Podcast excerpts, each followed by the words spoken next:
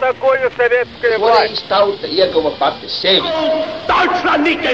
Liktenīgas nejaušības un slēptas likumsakarības, subjektīvas patiesības un objektīvi aizspriedumi. Pēc atkušņa nekad nenāk uzreiz pavasars, bet sākās Arī šodien cilvēki ir ļoti tuvredzīgi. Viņi redz to naudu, kas ir. Televīzijā jau pamatā notiek cīņa par varu.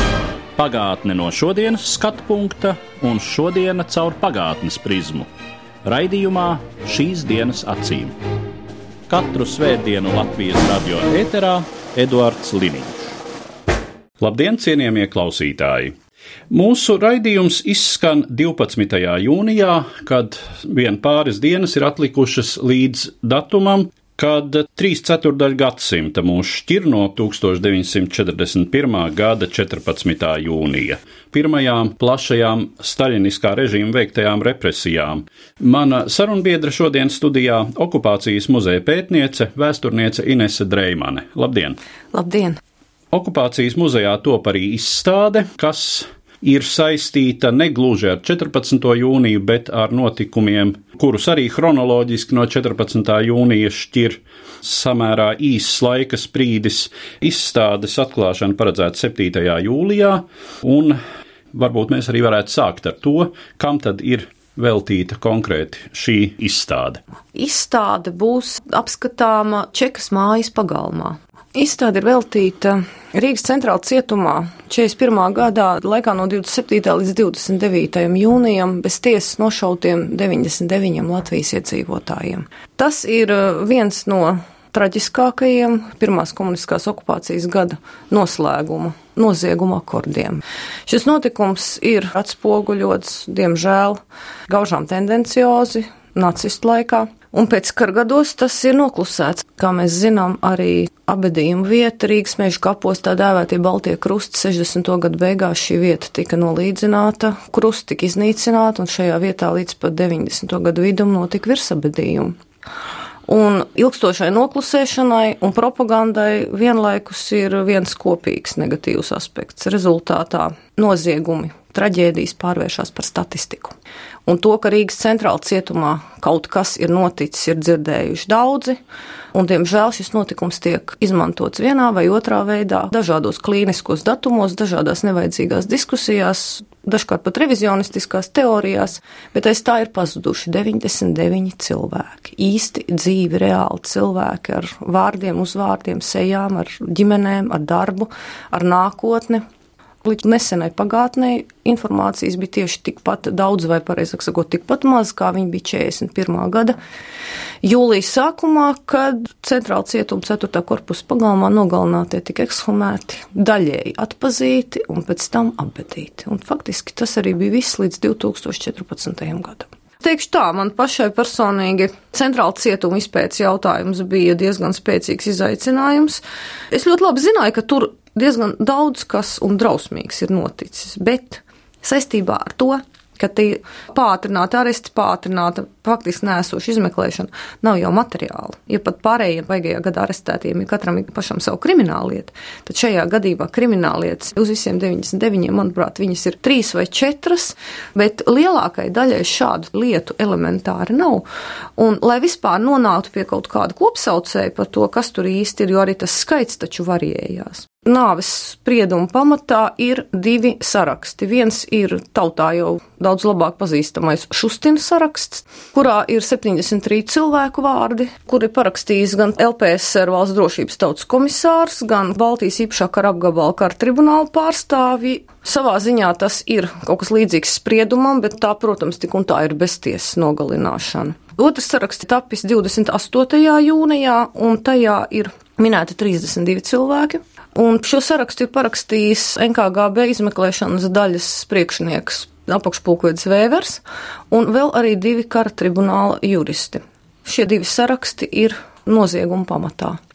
saraksti ir tapuši pamatojoties uz tā brīža PSRS valsts drošības tautas komisāra Merkulova īpašu rīkojumu, kas tika izsūtīts uz vairākām republikām, to skaitā Latviju un Igauniju. Un sākotnējā daļa šeit dokumenta attiecās uz apcietināto evakuēšanu, ka ir jāevakuē tātad izmeklēšanā esoši apcietinātie, izmeklēšanas materiāli, izmeklētāji, kas turpinās izmeklēšanu, kas faktiski nozīmē to, kāpēc, teiksim, Krievijas lāģeros un cietumos tika izveidotas šīs LPSR čekas izmeklētāju grupas. Un tur ir arī pēdējais punkts, kurā ir norādīts, ka ir jāsastāda īpaši saraksti attiecībā uz personām, kuras tātad attiecīgajās institūcijas uzskata par liederīgām tiešām nogalināt uz vietas, nevis etapēt uz Padomju Savienību. Latvijā, teiksim, apcietināto skaits nebija tik milzīgs, lai viņi nevarētu evakuēt, un līdz ar to pārvietojās uz to, ka tie bija cilvēki, kurus arestēja jau no jauna. Viņus etapēt vairs nekur nebija iespējams. Faktiski etapi jau bija aizgājuši. Un tāpēc, diemžēl, viņa liktenis tika izlemts šādā veidā. Šustina saraksta pēdējais cipars ir 78, un kopš tās dienas, kad šo sarakstu atrada, pa vēstures literatūru klaiņo apkārt Šis cipars 78 līdz pavisam nesenai pagātnē, un beig beigās 2014. gadā gatavojot tā tad izstādi Čekas mājā, mums radās doma izņemt to sarakstu cauri no viena gala līdz otram un saprast, ko tas nozīmē īsti. Jo jēdziens šustīns saraksts jau arī bija kļuvis par kaut kādu tādu, kas jau dzīvo pats savu dzīvi, bet kas tur īsti ir iekšā. Un tad arī sāk atklāties pamazām, ka tur ir pirmkārt 73 vārdi, jo saraksts ir taisīts steigā tie vārdi vairākās vietās atkārtojās. Un tad atradās šis vēveres saraksts, kurš patiesībā sakot, visus šos gadus ir atradies Nacionālās sardzes materiālos, sākumā emigrācijā, pēc tam muzeja krājumā. Bet nevienu jau nevar vainot, ka viņš nav atrasts, jo šajā sarakstā nav prātā paliekoša rezolūcija, visus nošaut, tur nav apsūdzības formulējumi, tur ir vienkārši krieviski saraksts par personām, kas arestētas kara darbības laikā par kontrarevolucionāriem noziegumiem, un divas lapus un stabiņā vārdu uzvārdu reizēm pat bez tēva vārdiem. Arī ar kļūdām. Divi cilvēki ir tie paši, kas ir jau arī Šustins sarakstā. Bet Es biju no vācu laika periodikas skatījusies meklēšanas sludinājumus, tīrās intereses pēc, ko meklē. Reizēm man tas palīdzēja statistikai par arestētajiem. Cilvēks tā tad, acīm redzot, ir etapēts projām. Iespējams, viņš ir nogalināts, ja par viņu nav nekāda ziņa. Un tur ir arī cērvēsts nekrologi, īpaši tēvijā publicētie. Un tur vairākos gadījumos bija minēts miris mocekļu nāvē centrāla cietumā, gājis bojā Rīgas centrāla cietumā. Tobrīd man šie vārdi izteica minimāli, bet es viņus pierakstīju. Tas bija pirmais brīdis, kad sāka kaut kas slēgties kopā, kad sāka pārklāties šie vārdi ar sarakstos minētajiem. Tas jau tad bija apstiprinājums konkrēti cilvēku bojā ejai. Tad bija dzimtsarakstu arhīvs, kurā ir izziņas par miršanu. Tur vēl parādījās papildus vārdi, tur bija adreses, nu tad bija nākamais, tad pagājušo gadu es varētu teikt nosēdēju Latvijas valsts vēstures arhīvā pie mājas grāmatām.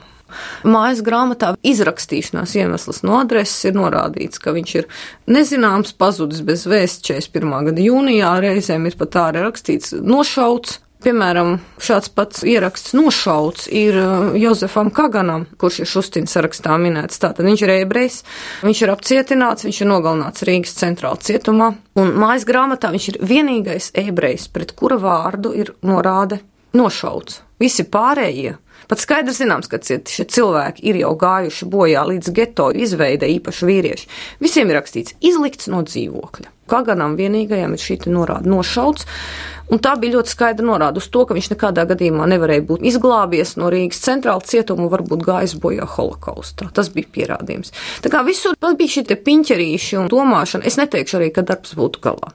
Nekādā gadījumā man ir pagaidām tikai 55 fotogrāfijas no 99. Man pat diezgan daudz cilvēkiem trūkst konkrētas informācijas. Runājot par šī nozieguma konkrētajiem apstākļiem, 27. un 29. jūnijas, tie ir datumi jau pēc Padomju Savienības Vācijas kara sākuma un datumi pāris dienas pirms brīža, kad Rīgā ienāk nacistiskās Vācijas karaspēks. Šī gadījumā tas attiecās jau uz kara darbību, un tāpēc arī nav tiesas spriedumu, tāpēc arī nav nekādas izmeklēšanas kvalitatīvas, puslīdz vairāk vai mazāk kaut vai. Visi 99 cilvēki, izņemot vienu, ir apcietināti jau pēc kara darbības sākuma. agrākais ir 22. jūnijas. Izņēmums, kurš ir apcietināts ātrāk, tas ir Latvijas armijas leitnants Valdemārs Braše, kuru pēc apšaudes vecumnieku pagastā sagūstīja 17. jūnijā ievainotu. Ģimene, pie kā viņš dzīvoja, tika deportēta, un viņš pats no šīm deportācijām necieta, bet pēc tam viņu kaut kas tur mēģināja ķert ciet un izcēlās apšaudu. Viņš bija sagūstīts, ievainots ar diviem ložu trāpījumiem vēderā un ievietots cietumslimnīcā. Sakarā ar to viņš arī netika etapēts projām uz Padomjas Savienību 23. vai 24. jūnijā. Tie ir datumi, kuros no Latvijas cietumiem uz Padomjas Savienību izveda visus, kas atradās izmeklēšanā tobrīd, vai arī nu, jau bija notiesāti un gaidīja etapu. Tā bija tāda pātrināta, pilnīgi cietuma iztukšošana. Bet Valdemārs Žants Brašs palika cietuma slimnīcā, un viņš ir šo cilvēku skaitā, kas tika nošauts. Pārējie 98 ir apcietināti jau kara darbības laikā, pamatojoties uz dekrētu par karstāvokļu ieviešanu. Protams, apsūdzības ir absolūti murgainas, atšifrēt patiestos apstākļus ir diezgan sarežģīti, jo izteikums pauda sakāvniecisku aģitāciju, grūti pateikt kas šī gadījumā ir domāts. Vai tiešām kāds bija tik dumšs, ka viņš staigāja pa ielu un klaigāja, nu redziet, tūlīt atnāks vācieši un sāksim jaunu dzīvi, vai arī, teiksim, tā ir kāda nelabvēļa tomēr denunciācija šajā brīdī, kur netiek pārbaudīta. Vai arī cilvēks tiešām kaut ko ir pateicis tādu, ka tas ir nonācis nepareizās ausīs. Ir arī vairāki gadījumi, kuros ir redzams, ka cilvēka arests iespējams būtu noticis tik un tā. Jo šajos tā saucamajos apsūdzības formulējumos ir saprotams, ka informācija par viņu ir vākta jau agrāk. Piemēram, ka 39. gadā vēlējies, teiksim, vai 40. gadā izceļot uz Vāciju, ir vācu tautības, ka ir bijuši kaut kādi pretpadomu izteikumi un darbība vai nu Latvijas armijā vai pilsoņu kara laikā cilvēks ir bijis Balto armijā. Tātad informācija jau par viņiem un kompromats jau ir vākts ātrāk un tikai kara izcelšanās dēļ tātad šis arests arī notiek pātrināti. 30 52 cilvēkiem nav gandrīz iespējams noteikt apcietināšanas iemeslus, jo tie nav norādīti. Ir vienkārši zināmi viņu vārdi. Daļēji šo to izdevies ir atšifrēt. Un noskaidrot kaut kādas papildus izpētes rezultātā, skatoties pēc materiāliem vai tiekoties ar tuviniekiem. Atsevišķos gadījumos izdevās sameklēt piederīgos. Īsti nav skaidrs, kādas bija šīs visas iesaistītās represīvās institūcijas. Protams, tā bija daļēji čeka, bet vai visos gadījumos šāvēji bija Rīgas čekisti, cik ilgi kurš kaut kur uzturējās. Jo ir skaidrs, saprotams no dažādiem dokumentiem, ka Šustins visticamāk pats parakstīs savu sarakstu ļoti drīz arī pazuda prom no Rīgas, jo ir daži dokumenti, kuros parādās, ka Šustins nav īsti varējis pat zināt, vai tā viņa pavēle ir izpildīta, tā tad visus nošaut sociālās bīstamības dēļ, vai arī tā pavēle nav izpildīta.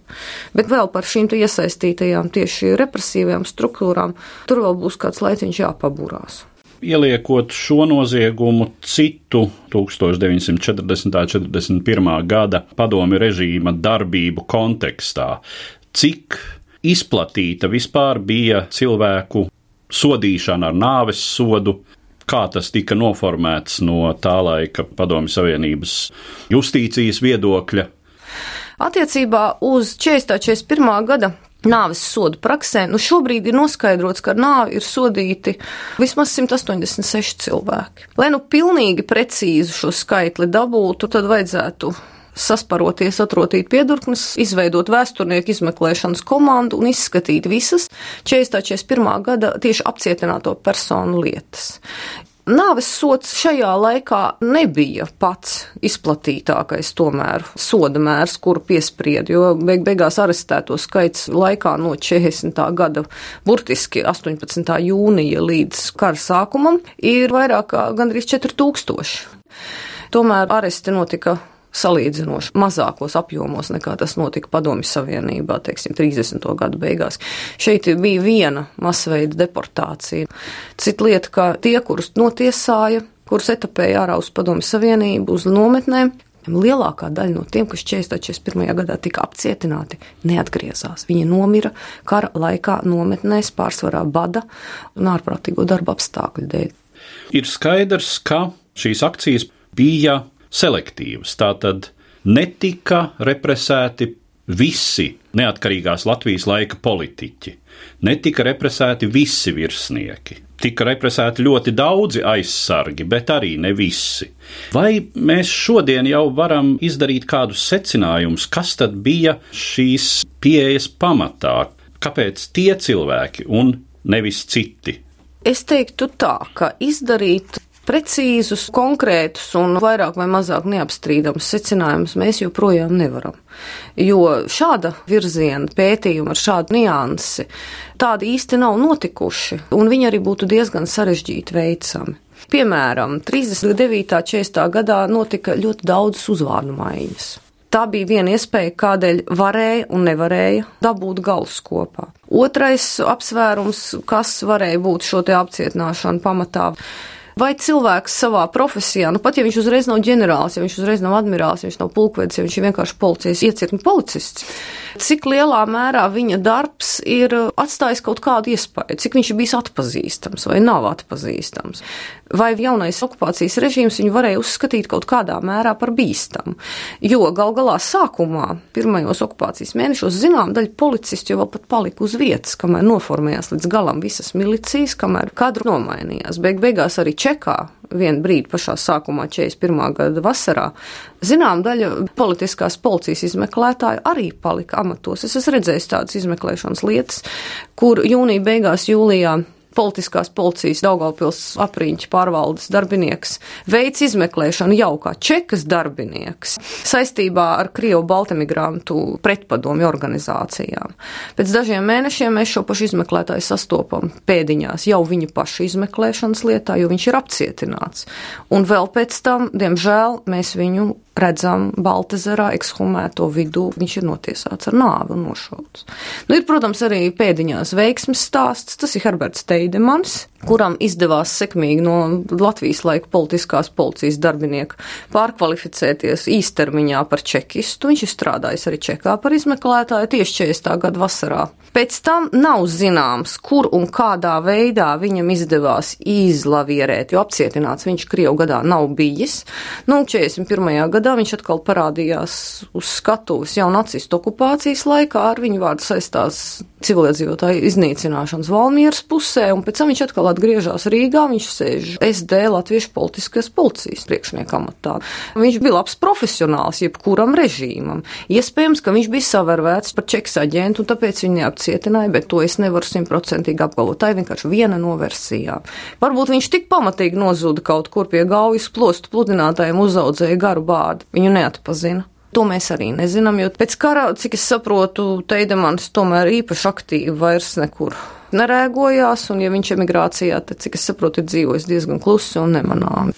Šie jūsu piesauktie gadījumi, manuprāt, ir ļoti apsvēršanas vērti tieši tajā aspektā, ka no vienas puses tas rāda, ka padomi režīms šeit rīkojās ļoti pārdomāti, tā sacīt, izmantojot laika resursu. Pirmkārt, jau padomu izlūkdienestu aģentūras darbības rezultātā bija pietiekoši daudz informācijas jau uz to pašu 17. jūniju.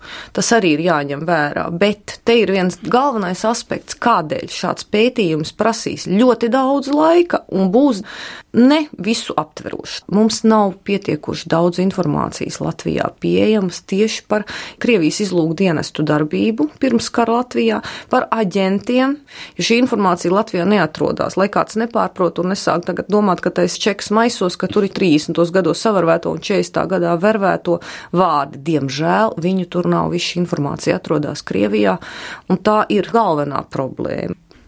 Protams, otrs aspekts, uz kuru es arī šai sakarā gribēju vērst uzmanību, zināma sabiedrības sagatavotība totalitāram varas modelim, kuru, nu, jāsaka, tomēr kā ir jau šeit Latvijā bija veicis Ulmaņa autoritārais režīms. Jā, savā ziņā, protams, mēs nebijām unikāli. Autoritārisms bija pārņēmis visu austrumu Eiropu, nerunājot par tiešām nežēlīgiem režīmiem, kāda bija Vācijā un Padomjas Savienībā. Tomēr tas baltā tētiņa tēls atņēma cilvēkiem vajadzību un vēlmi domāt pašiem ar savu galvu un pieņemt lēmumus. Un tā bija ļoti liela problēma. Tas arī tā bija šīs nepretošanās iemesls, ka visiem vajadzēja pavēli. Un tā bija problēma. Un tā arī daudziem cilvēkiem radīja to muļķīgo pārliecību, ka es taču nevienam neko nesmu darījis. Nu, es esmu ierēdnis, es esmu grāmatvedis, skaitīšu tagad citā naudā. Cilvēkiem likās, ka viņi varēs sadzīvot ar šo režīmu. Viņi pat nedomāja, ka viņi varētu kļūt par kolaborantiem. Viņi vienkārši domāja, ka viņi varēs turpināt savu darbu mazliet savādākos apstākļos. Diemžēl tā ir raksturīga situācija vispār, ja ieilgst miers, stabilitāte, kārtība. Ja vēl avīzēs raksta, ka visur viss ir kārtībā. Un ir pierasts Jā. to avīzēs lasīt Jā. jau arī pirms tam. Un tas viss, protams, ir saistīts. Un trakākais bija tas, kā atņēmās sekmīgi šī vēlme pašiem tomēr spriest un pieņemt lēmumus un negaidīt, Jūs jau piesaucāt arī to, ka nākamais okupācijas režīms, nacistu okupācija, izmanto gan jūsu izstādes aplūkoto konkrēto slepkavību, gan svaigā atmiņā tobrīd esošos 14. jūnija notikumus savai propagandai. kas man ir kļuvis skaidrs šajos pēdējo gadu pētījumos. Propaganda, protams, bija nenoliedzama, bet tajā pašā laikā, kas attiecās kaut vai uz šīm ekshumācijām, Sākotnēji, tajā brīdī, kad tās tiek veiktas, kad notiek atpazīšana, kad notiek pārabedīšana, un ne tikai 4. un 5. jūlijas Rīgas centrāla cietumā, bet arī jūlija turpmākajās norisēs, kad ekshumē Babītē, Dreiliņos un arī Baltazarā apraktos cilvēkus. Šo informāciju, kas tobrīd ir pieejama, nevar uzskatīt, ka tā tiktu izmantota propagandas nolūkos, jo ekshumācijas tiek fotografētas, bet tas tiek darīts saskaņā ar tiesu praksi. Bet Vai nākamajā dienā laikrakstā parādās kaut viena fotografija? Neparādās. Arī turpmāk tas nenotiek. Baltezerā no ekshumācijas mēs redzam tikai atsevišķus kadrus, kurā ir redzama bedres atsekšana. Un atsevišķi ir ķermeņi, kas ir izcelti no zemes, bet tie ir tālu plāni, tur nav tuvplānā sejas. Un tas pats attiecās arī uz dreiliņiem. Pirmā reize, kad mēs redzam tuvplānus, tiešām, kad acīs tiek iebāzta nogalināta cilvēka seja sadalīšanās stadijā ar lodas radītā bojājumu izraisīt deformāciju, ir grāmatbaigais gads, kas tiek izdota tikai 42. gadā. Līdz ar to pašu nevar tomēr runāt par to, ka šie materiāli būtu, kā mēdz reizēm absolūti nepareizi uzsvert, jau tapuši propagandas nolūkos.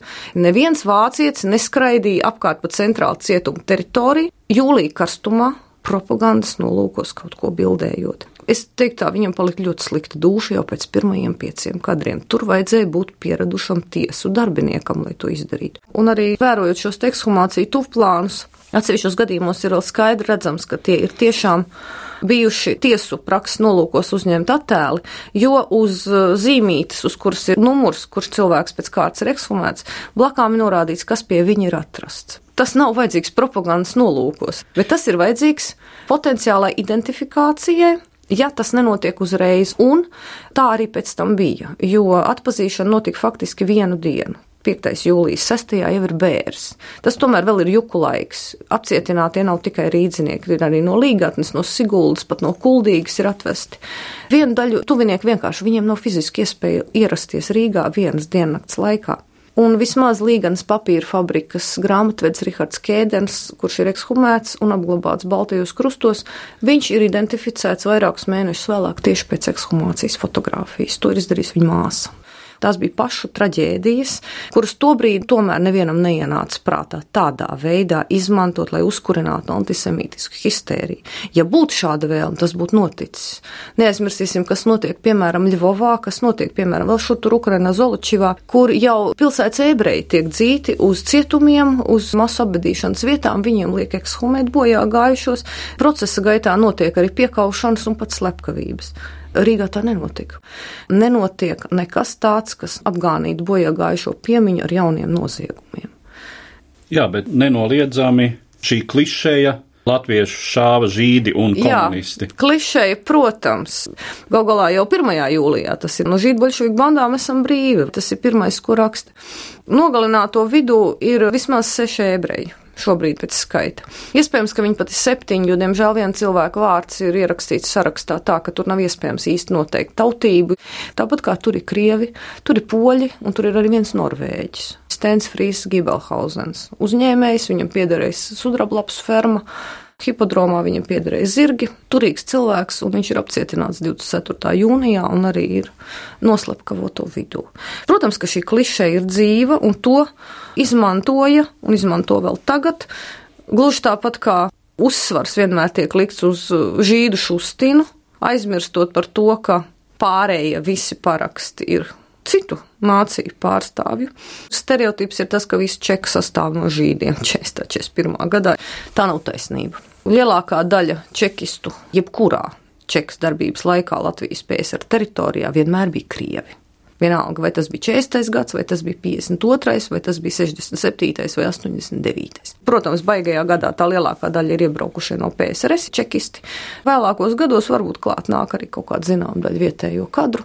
Otrs mīts vēlākos gados, ka nu uz beigām jau čeka bija latviskojusies.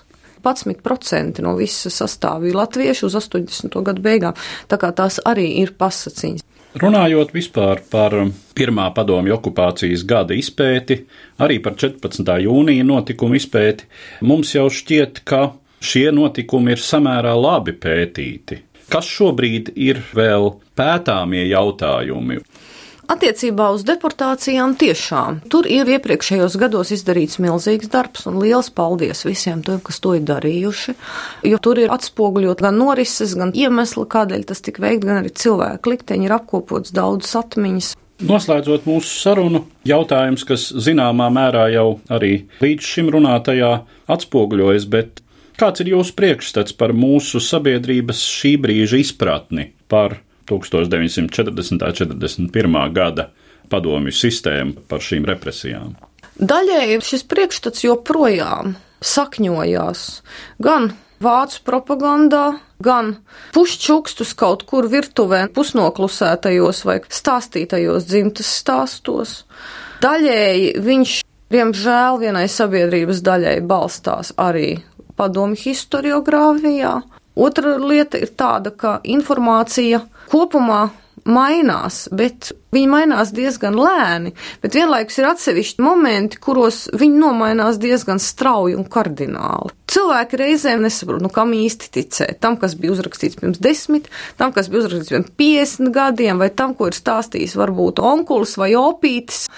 Jo ir ļoti daudz tādu, kuriem opītis ir pēdējā instance, un viss pārējie var mierīgi iet kaktiņā, nervozi paniķoties. Es apcīt esmu ar diezgan daudziem opīšiem pēdējos gados sagājusi ragos, jo viņiem lūk opīši stāstījuši. Un ļoti daudz ir mītu. Cilvēkiem ļoti, ļoti patīk varmācības pārspīlējums. Un mums ir nākuši uz stūra māja ekskursijās, un mums pārmet, bet jūs taču nerādat mums īstos pagrabus, jūs nerādat mums īstās mocību celles, jūs nerādat mums īstās šausmas, kas notika Čekā. Nav nagu maucamās mašīnas. Nav, bet tajā pašā laikā, ja jūs zinātu, kādi ir nostāsti, cik nagi ir atrasti Novika kabinetā nomaukti pēc čekista aiziešanas, ka centrāla cietumā ir atrasta burka ar izrautām acīm. Viņiem taču bija no kājām vilkta āda. Kad tu tādam pasaki, sadalīšanās procesā, diemžēl, āda nonāca līdzi ar drēbēm, mirušos no tām atbrīvojot ekshumācijas procesā. Saprotiet, cilvēks apvainojās, jo viņam tiek atņemts tas svētums, ka čekisti sēdējis no skalpelīti kādam dīrājis no kājas ādu. Tas man ļoti nepatīk, jo realitāte, reālie notikumi tomēr iesper daudz spēcīgāk par visām pārspīlētajām šausmām. Tieši tāpēc, ka tas ir reāli, bet tur laikam ir vajadzīgi katram pašam kaut kā pamēģināt uz sevis sajust. Nu, vai tiešām ir liela starpība, vai te iesit pa seju dūri, vai, teiksim, iegāž ar pistoles spalu. Bez kā mēs lieliski varam iztikt, mūsu vēsture ir traģiska, mums nav vēl jāpiedzējo klāt papildus burciņa ar acīm. Tieši tā, es arī gribētu teikt, ka būtiskais jau ir tā izpratne par vispārējo varmācību, kas tiek nodarīta nācijai, atņemot tai valstiskumu, kas tiek nodarīta šo nāciju degradējot. Un droši vien briesmīgāk par kaut kādām fiziskām mocībām ir tā psiholoģiskā bezpalīdzības sajūta sistēmas priekšā. Jā, ka īsti jau vairs nav kur sprukt un nav kur likties. Var jau pie sevis atkārtot, ja tagad mūs būtu vairāk, ja mēs toreiz būtu šitā, ka tagad atnāktu kaut kāda palīgā, bet tā visa nebūs. Tā visa nav, un tad mēs redzam kas notiek ar katru, kurš lūst, kurš nelūst, un kā mainās šī domāšana. Jo Google 44. gadā, 45. vairs neviens nedzīvo ilūzijās, ka, nu, gan jau mēs sastrādāsimies, vienreiz jau te tie vaņi, kas bija. Nē, Tad vāc ieročus, iet mežā, jo lieliski zina, ja vaņkas ir atpakaļ, tad nekā laba nebūs. Ja 41. gada deportācijās ļoti daudzi cilvēki varēja pamukt, izglābties, jo viņus pat brīdināja, nenakšņojiet mājās, jūs esat kaut kādos sarakstos, jums var atnākt pakaļ. Es nevienam nekad mūžā neko nesmu ļaunu darījis. Un sēdēju mājās, gaidīju, nē, nu, ja man kaut ko prasīs, es arī paskaidrošu. Es aiziešu un pateikšu, ka es nevienam neko ļaunu aizdarīšu, es vienkārši kopu zemīti. 49. gadā vairs negaidīju. Ja brīdināja, tad laidās lapās. 49. gada deportācija laikā ļoti daudz cilvēku pāriet nelegālā stāvoklī un slēpjas. Viņi nesēž mājās gaidīdam, cerībā, ka viņi kādam kaut ko tomēr varēs paskaidrot. Ar to es arī gribētu noslēgt mūsu šodienas sarunu. Un es saku paldies manai sarunbiedrei, vēsturniecei, okupācijas muzeja pētniecei Inesei Dreimanai. Katru svētdienu Latvijas radio viens par pagātni sarunājas Eduards Liniņš.